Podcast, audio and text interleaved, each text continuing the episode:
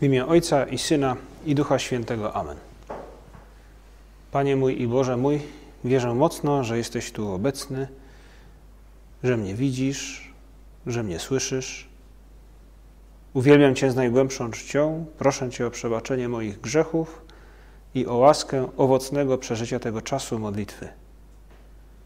Matko moja niepokalana, święty Józefie, Ojcze i Panie mój, Aniele stróżu mój, wstawcie się za mną. Znajdujemy się w ciemnej kaplicy, w której światło pada na tabernakulum, na miejsce, w którym znajduje się Jezus Chrystus. I to przypomina nam o tym obrazie adwentowym, jakim jest światło lampionu, które wskazuje nam Chrystusa jako tego, który przynosi zbawienie. Rozpocznijmy naszą modlitwę, kierując nasz wzrok właśnie ku temu Jezusowi, którego to światło w naszej ciemnej kaplicy w tej chwili oświetla. Panie Jezu, jak dobrze byłoby, gdybym w moim życiu właśnie tak wyraźnie widział Ciebie wewnątrz mnie, gdybym odczuwał to, co Ty czujesz, gdybym zdawał sobie sprawę z Twojej realnej obecności blisko mnie. I możemy pomyśleć o takiej dziecięcej nadziei, z jaką rozpoczynaliśmy dawniej Adwent. Kto wie, jak ona wyglądała w przypadku każdego z nas. W zależności od tego, czy chodziliśmy na roraty rano, wcześnie, czy jak w niektórych miejscach na roraty wieczorem, choć niektórzy uważają to za roraty w pewnej, no, pewną degradację rorat, prawda? Roraty, roraty wieczorem. Ale tak czy siak były to roraty, na które szliśmy e, na pewno po ciemku. I jako dzieci pewnie wiązaliśmy z lampionem, no nie wiem czy nadzieję, ale na pewno lampion kojarzył się nam z wieloma sprawami, z konkursami lampionów, z tym, że można iść oświetlać drogę, że można się nim bawić. Później ten lampion często się psuł w trakcie tych rorat. No, różne to były perypetie. Pewnie każdy z nas ma swoje i mniej lub bardziej śmieszne. Może niektóre z nich związane z jakąś traumą z dzieciństwa, bo mi się zepsuł lampion i nie wygrałem figurki na roratach i, i tak dalej, i tak dalej. My teraz mamy dużo, dużo, dużo więcej lat. Spróbujmy przeżyć ten adwent w tym samym duchu dziecka, które czeka na coś wspaniałego, czego do końca nie obejmuje swoją wyobraźnią, ale spróbujmy to przeżyć jako chrześcijanie nieco bardziej dojrzali. Na czym ten adwent polega, Panie Jezu? To światło, co ono oznacza? Bo my wiemy, co na końcu tego adwentu będzie. My wiemy, jak ten serial się skończy. Kolejny sezon serialu. Serialu, który będzie trwał aż do końca wieków, do końca, do końca czasów, do końca świata. Co roku przeżywamy właśnie kolejny sezon historii tej wspaniałej rodziny, jaką jest Kościół, jaką jest rodzina przyjaciół, uczniów Chrystusa. Oczekiwanie na Jego narodzenie, przeżywanie na nowo Jego narodzenia. Panie Jezu, i choć wiemy, co będzie na końcu, jak ten serial się kończy, ten, ten sezon kolejny, oglądanie, przeżywanie tego adwentowego serialu może w nas pozostawić coś innego niż te 10-15 lat temu, gdy byliśmy dziećmi, i coś innego niż w zeszłym roku. Pomóż nam przeżyć ten adwent w Twoim stylu.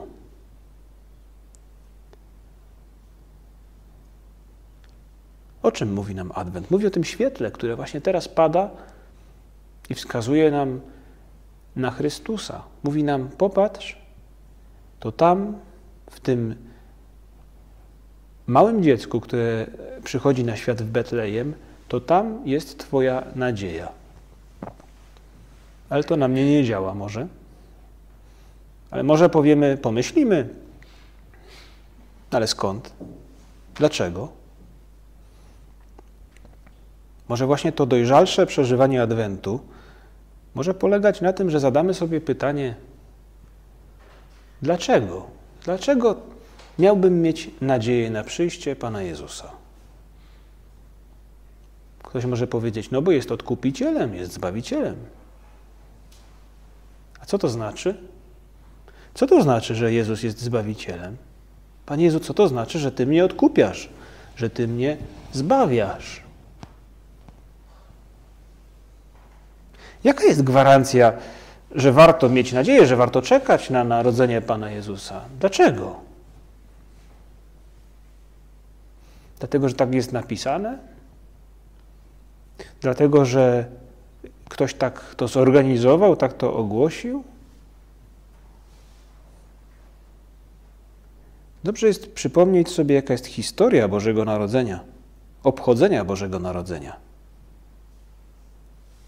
To jest historia wspominania tego, że Bóg pojawił się na świecie i objawił nam siebie, a więc opowiedział nam w ludzkich słowach, w ludzkich gestach, w ludzkim sposobie bycia, e, rozciągniętym w czasie, opowiedział nam o tym, kim dla Niego jesteśmy. Objawił nam siebie, powiedział nam też, kim jest dla nas. I gwarancją tego, co Bóg wówczas powiedział, że oto Twoje zbawienie, jest też to, że Bóg ukazuje się, i my tego doświadczamy często, że Bóg jest wszechmogący. I my tej wszechmocy nie jesteśmy w stanie pewnie matematycznie jakby sumować, ale możemy jej doświadczyć i poprzez pewność wiary uchwycić się jej. Pewność wiary nie jest pewnością mniejszą niż pewność matematyczna. Nie przeczy jej, ale też pewność matematyczna nie dociera tam, gdzie pewność wiary. I my wierzymy w to, że ten Bóg Wszechmocny, który stworzył niebo i ziemię, dlatego, że kochał, umieścił na tej ziemi człowieka i towarzyszył mu pomimo buntu czasem człowieka, czy zachowania niegodnego tej miłości, którą został obdarowany, Bóg cały czas był blisko niego. I dlatego w Adwencie wspominamy proroctwa, zapowiedzi tego objawienia się Boga kiedyś w przyszłości. Wtedy w Starym Testamencie było. Były to zapowiedzi dotyczące przyszłości. Kiedyś przyjdzie taki dzień, że Bóg będzie tak blisko Ciebie, że będziesz rozumiał, kim jest. Że zobaczysz Jego miłość dużo wyraźniej niż teraz. I to jest to, co nasi przodkowie, nasi bracia i siostry, pierwsi chrześcijanie, uczniowie Jezusa Chrystusa, ci, którzy Go znali, zobaczyli, zrozumieli i powiedzieli: Tak, właśnie teraz spełniły się te proroctwa, te zapowiedzi. Ten dialog Boga z człowiekiem, który trwał przez setki lat przed Chrystusem, właśnie doszedł do kulminacyjnego momentu. I mogą nam pomóc te teksty ze Starego Testamentu, które w tym tygodniu słyszymy na roratach, czy może na mszy świętej, która nie jest roratnia czasem, jeżeli bywamy w kościele. Te teksty ze Starego Testamentu mówią nam właśnie o tym, tym, tym pięknie zbawienia, jak bardzo wyczekiwali Izraelici, ale także jak bardzo my możemy wyczekiwać narodzin Chrystusa, obchodów mm, narodzin Chrystusa w tym roku. Dlaczego miałbym czekać na 25 grudnia? Otóż posłuchaj, otóż popatrz na to, jak Stary Testament opisuje zbawienie, które nadchodzi. Jakie to będą czasy Mesjasza? Co wtedy dziać się będzie? I choć opisane one są w sposób taki bardzo wyrazisty, e, może byśmy nawet powiedzieli populistyczny dzisiaj, i choć wiemy dobrze, że nie możemy materialnie jakby skupić się na tym, co materialnie zostaje tam obiecane, bo jest to też często tekst poetycki, który w gruncie rzeczy mówi człowiekowi: to będą czasy, w których będziesz szczęśliwy. A szczęście w niektórych przypadkach, za chwilę zobaczymy, e, można, można powiedzieć, że opiera się na czasem bardzo przyziemnych sprawach. I to jest główny przekaz tekstów ze Starego Testamentu. Będzie taki moment, w którym ty, który jesteś uciśniony, który jesteś w niewoli u różnych narodów, które cię otaczają, odnosi się to oczywiście do wrogów Izraela, ty, który jesteś w niewoli, przegrany, będzie taki moment, gdy będziesz wolny, gdy różne ograniczenia znikną, gdy bieda, głód nie będą cię dotyczyły, ale przede wszystkim będą to czasy pokoju. Pokoju od wojen, ale także pokoju dla ciebie wewnątrz. Możemy, możemy teraz chwileczkę pomyśleć, każdy z nas sam, jakiego zbawienia oczekiwał, oczekuje? Jakiego zbawienia oczekiwał Izrael wtedy, gdy te proroctwa mówiły mu, że będzie taki dzień, że zbawienie nadejdzie? Jakiego proroctwa, jakiego zbawienia oczekiwali? Jakiego zbawienia oczekuję ja? Odkupienia. A więc, że Bóg Wszechmogący w jakiś sposób dostarczy mi siły, energii, której nie posiadam, by coś w moim życiu zmieniło się na lepsze. Pewne ograniczenia, jakiś może brak pokoju. Jezus Chrystus nazywany jest księciem pokoju. Gdzie potrzebuję pokoju? Gdzie brakuje mi energii, by moje życie kierowało się lepszymi torami? Pomyślmy, bo ten serial już się rozpoczął, ten sezon tego serialu adwentowego już się rozpoczął. Kolejne dni, kolejne odcinki upływają. Gdzie chciałbym się znaleźć na końcu tego sezonu? Te teksty, które każdy z nas może sam sobie przeczytać, powrócić, bo ich codziennie, no, 7 dni ma tydzień, prawda, 7 czytań, w niedzielę nawet dwa, e, które odnoszą się do tych czasów, mocnych, mesjańskich czasów, w których nadejdzie zbawienie. Te obrazy mogą, mogą w naszej duszy jakby odtworzyć atmosferę oczekiwania na zbawienie. Każdy z nas musi dopowiedzieć sobie, czego to zbawienie w tym roku mogłoby dotyczyć i o to Pana Jezusa poprosić. Dzisiaj chociażby na mszy świętej słyszymy o dosyć no, przyziemnej perspektywie szczęścia i radości, szczególnie dla kogoś, kto, kto jest ubogi i kto jest głodny. Bo mowa jest, to czytanie z księgi Izajasza, bo mowa jest o wielkiej uczcie. Pan zastępów przygotuje dla wszystkich ludów na tej górze ucztę z tłustego mięsa, ucztę z wybornych win. I w taki typowy dla właśnie tego gatunku literackiego sposób, też taki semicki sposób podkreślania, powtarzania tego, mówi raz jeszcze. Z najwyborniejszych win, z najpożywniejszego mięsa, z najwyborniejszych win. To nie będzie byle uczta.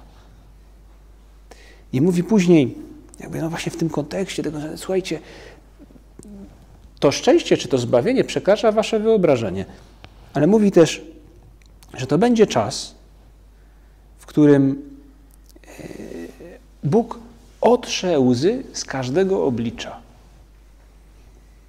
Widać, że kolejne zdania, kolejne słowa z tego proroctwa mówią nam o tym, że to nie chodzi o to, żeby nikt nigdy nie zapłakał, ani nie chodzi o to, że to faktycznie będzie uczta, woły, prawda, bażanty, nie wiem co jeszcze, no, najwyborniejsze mięsa, można pomyśleć, i wina także, można pomyśleć, każdy z nas ma swoje wyobrażenia na ten temat, e, swoje gusty.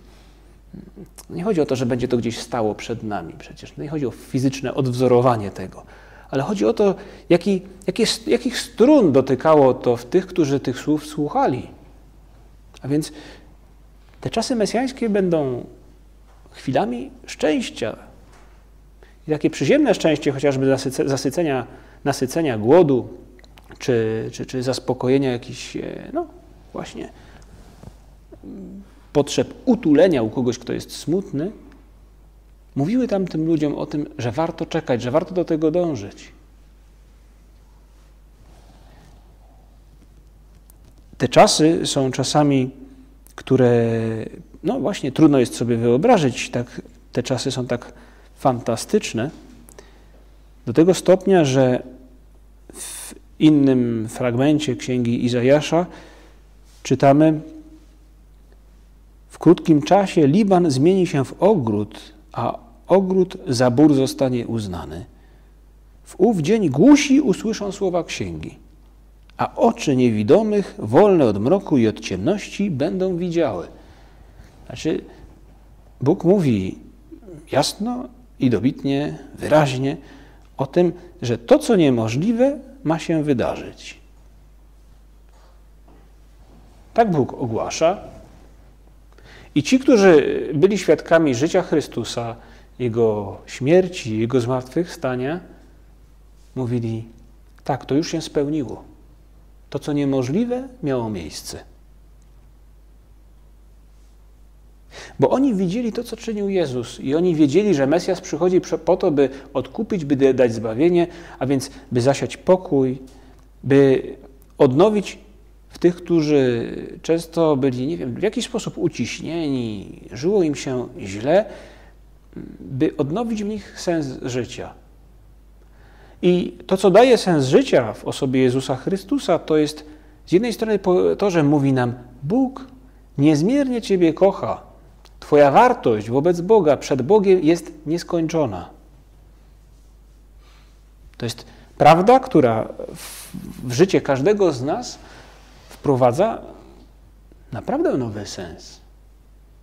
Wystarczy pomyśleć, ile się zmienia w naszych relacjach z innymi ludźmi, kiedy ten ktoś daje nam do zrozumienia, że jesteś dla mnie ważny. Można pomyśleć, tym bardziej, jeśli daje komuś do zrozumienia, to dziewczyna, prawda? Narzeczona, nie? czy no to człowiek mówi, warto żyć. Tym bardziej, nie wiem, ktoś, przyjaciel, ktoś z rodziny. A nam mówi to Bóg. Ale co więcej, Jezus Chrystus nie tylko mówi nam, jesteś niezmiernie ważny dla Boga, ale też swoim postępowaniem pokazuje, sprawia, że Izraelici czy Izraelici, Żydzi, mieszkańcy Palestyny dotykają, widzą, namacalnie mogą stwierdzić, że faktycznie oto Mesjasz, a więc Bóg poprzez Mesjasza troszczy się o swój lud. Taką historię opowiada nam dzisiejsza Ewangelia. Gdy widzimy, jak Jezus przychodzi nad jezioro galilejskie, jak mówi nam święty Mateusz, wszedł na górę i tam siedział, przebywał, tam rozmawiał z, ze swoimi uczniami i tam przyszły do niego wielkie tłumy. I rysuje taką sytuację dosyć dramatyczną, bo te tłumy przychodzą do Chrystusa jako do Mesjasza, poszukując właśnie zbawienia, poszukując utulenia, pokoju, ale także zbawienia od różnego rodzaju fizycznych dolegliwości, problemów, bo przyprowadzają mu chromych, ułomnych, niewidomych, niemych i wielu innych. Nic dziwnego, że ci, którzy zobaczyli to, co za chwilę się wydarzy, a więc to, jak Chrystus tych chromych, głuchych, niemych, uzdrawia, że przypomnieli sobie te słowa z księgi Izajasza, które mówiły właśnie o tym, no niewidomy zacznie widzieć i głuchy usłyszy słowa. I szczęście w postaci też tej materialnej, jak ta uczta z najwyborniejszych mięs, z najwyborniejszych win. Położyli ich u jego stóp, a on ich uzdrowił.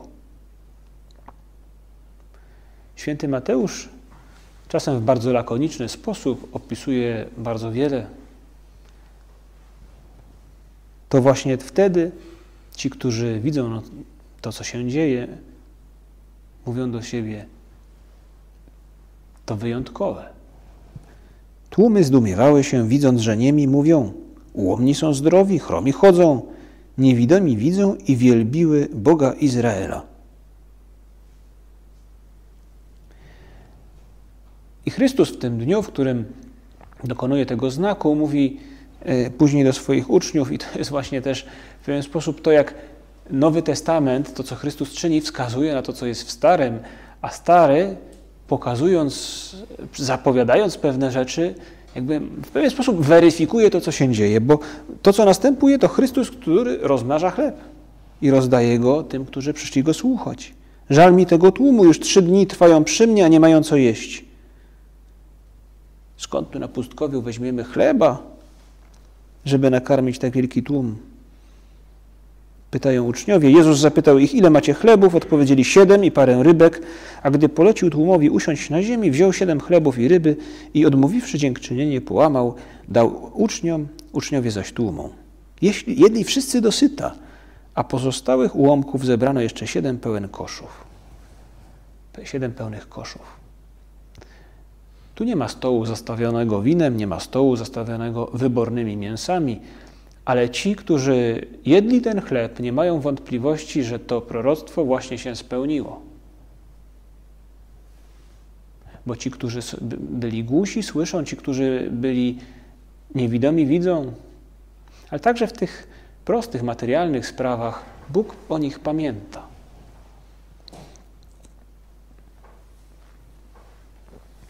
My dzisiaj na mszy świętej śpiewaliśmy bądź wypowiadaliśmy słowa psalmu Pan moim pasterzem, nie brak mi niczego. Mogą przypomnieć się nam te obrazy z Ewangelii, gdy Jezus Chrystus mówi o tym, że ja jestem dobrym pasterzem i znam owce moje. Tę historię o tym, że owce idą za, za tym, który jest pasterzem, a za najemnikiem, który opuszcza owce, którego głosu nie znają, nie pójdą. Możemy właśnie w ten sposób pomyśleć o końcu tego adwentowego sezonu, serialu, który nazywa się Historia Zbawienia. Na końcu jest właśnie ten dobry pasterz, który ma dla mnie coś, co w moim sercu, w mojej duszy coś polepszy. Sprawi, że odczuję pokój. Doznam także pewnie, jeśli dobrze to przeżyję, jakiegoś rodzaju szczęścia w postaci może bardziej zmysłowej, materialnej. To nie znaczy, że Bóg czy Jezus Chrystus prawda, podaruje mi w tej chwili apartament na szczycie jakiegoś warszawskiego wieżowca, z którego będę obserwował Warszawę, jak samochody jeżdżą i światła się, prawda? E, w którym będzie basen i no, wiadomo dobrze, że nie to, to nie, to nie to. Ale jakiś element także taki namacalny, fizyczny czy, czy materialny nie jest wykluczony. Bo on związany często jest z tym, jak my przeżywamy nasze, naszą rzeczywistość. I być może Bóg, sprawiając, że łatwiej nam będzie walczyć z jakąś naszą wadą, doprowadzi w gruncie rzeczy do tego, że my naszą pracą, naszymi zajęciami osiągniemy także pewne materialne korzyści.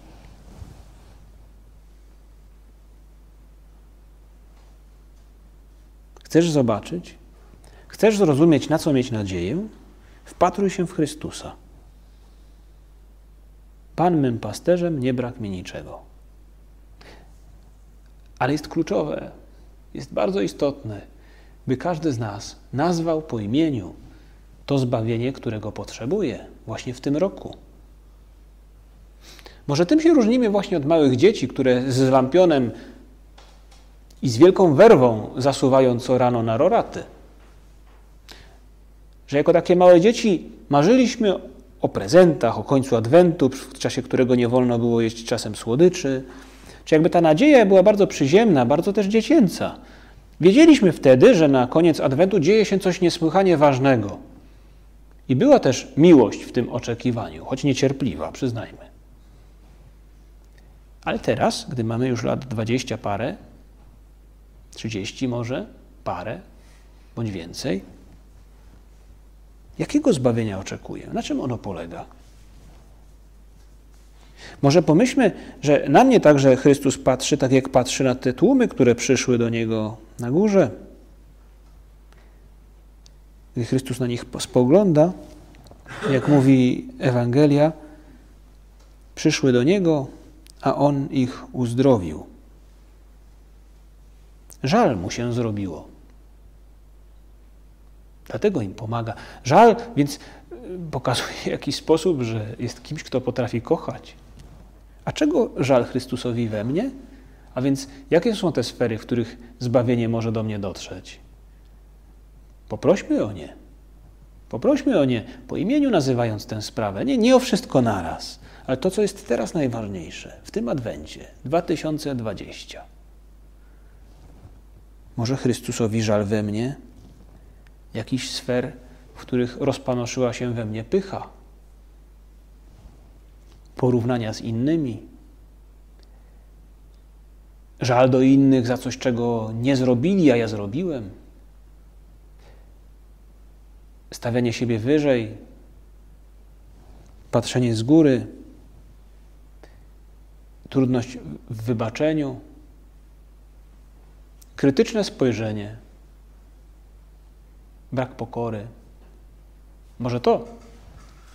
Może Chrystus patrzy z żalem na jakiś inny fragment naszego istnienia, naszej, naszego życia. Może mówi nam z takim trochę nawet smutkiem: Twoje braki cierpliwości, ty wybuchasz. Jeszcze jesteś jak, jak szarżująca lokomotywa czasami. A może nasz bałagan, brak porządku, który zawsze zakorzeniony jest w lenistwie i w braku męstwa. Czasem, ale w bardzo małym stopniu, w jakimś, jakimś strukturalnym też chaosie wewnętrznym, może też jakimś temperamencie, ale w dużej mierze bałagan to lenistwo i brak męstwa.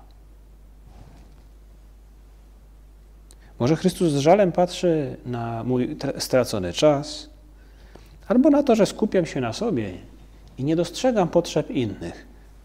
Ja bym chciał je widzieć, ale nie widzę, bo jestem skupiony na moich sprawach, przejęty czymś. Moje myśli krążą wokół jakichś moich spraw, planów, nie jakichś niecnych rzeczy, ale moich. I na to wszystko Chrystus odpowiada: Jeżeli chcesz, ja ci pomogę. Przygotuj się przez ten adwent. Pomyśl o tym świetle, tym snopie światła, który kieruje się na mnie właśnie w ciemności, po to, żeby mnie Tobie pokazać.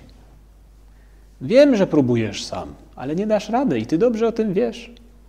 I nie mówię tego, żeby Cię pognębić, tylko byś ze spokojem pomyślał, może skorzystam z tej pomocy Pana Boga? Warto Panu Bogu zaufać, warto skorzystać z tej okazji, jaką Adwent nam daje, by, by, by mieć dostęp do zbawienia, którego tak bardzo potrzebuje. Ukaż nam, Panie Boże, Twoje oblicze. O to też Cię prosimy w tym Adwencie. Pomóż nam zobaczyć Twoją miłość, by, by tego zbawienia bardziej pragnąć, by Mu bardziej jakby no, zaufać. Tak jak zaufali temu zbawieniu, ci, którzy Ciebie spotkali fizycznie nad brzegiem Gali jeziora Galilejskiego, tak jak zaufali Tobie Piotr, Jakub, Andrzej, Nikodem, Zacheusz, kobiety jak Marta i Maria, jak te, które później stały pod krzyżem, jak Samarytanka, którą przypadkowo przy studni spotkałeś. Ludzie twardo stąpający po ziemi, którzy nie mieli wątpliwości że Ty jesteś Synem Bożym, że Ty jesteś Mesjaszem, Ty jesteś tym, który przynosi zbawienie. W Ewangelii, w tych czytaniach ze Starego Testamentu, które teraz słyszymy codziennie, w nich znajduje się klucz, który jest w stanie w naszej wyobraźni, w naszej duszy odtworzyć pewien, pewną ideę zbawienia, którą każdy z nas sprowadzić może na ziemię, odnosząc ją do tych sfer, w których tego zbawienia potrzebuje. Prosimy na koniec Maryję, by pomogła nam przeżyć te nadchodzące dni, przygotowując się też do jej święta, do uroczystości niepokalanego poczęcia. Pomóż nam, Matko Nasza, przeżyć te dni dobrze, marząc o zbawieniu, widząc także w Twoim tak, w Twoim w, niech się tak stanie, pragnienie tego, by zbawienie dotarło do jak najszerszej rzeszy ludzi. Jak dobrze, Matko, że wtedy o nas pomyślałaś przeżyjemy te dni, marząc o zbawieniu, które pochodzi od Twojego Syna, ale także dziękując Tobie i Jemu za to, że nie zostawiliście nas samych. Dzięki Ci składam, Boże mój, za dobre postanowienia, uczucia i natchnienia, którymi obdarzyłeś mnie podczas tych rozważań. Proszę Cię o pomoc w ich urzeczywistnieniu. Matko moja niepokalana, Święty Józefie, Ojcze i Panie mój, Aniele stróżu mój, wstawcie się za mną.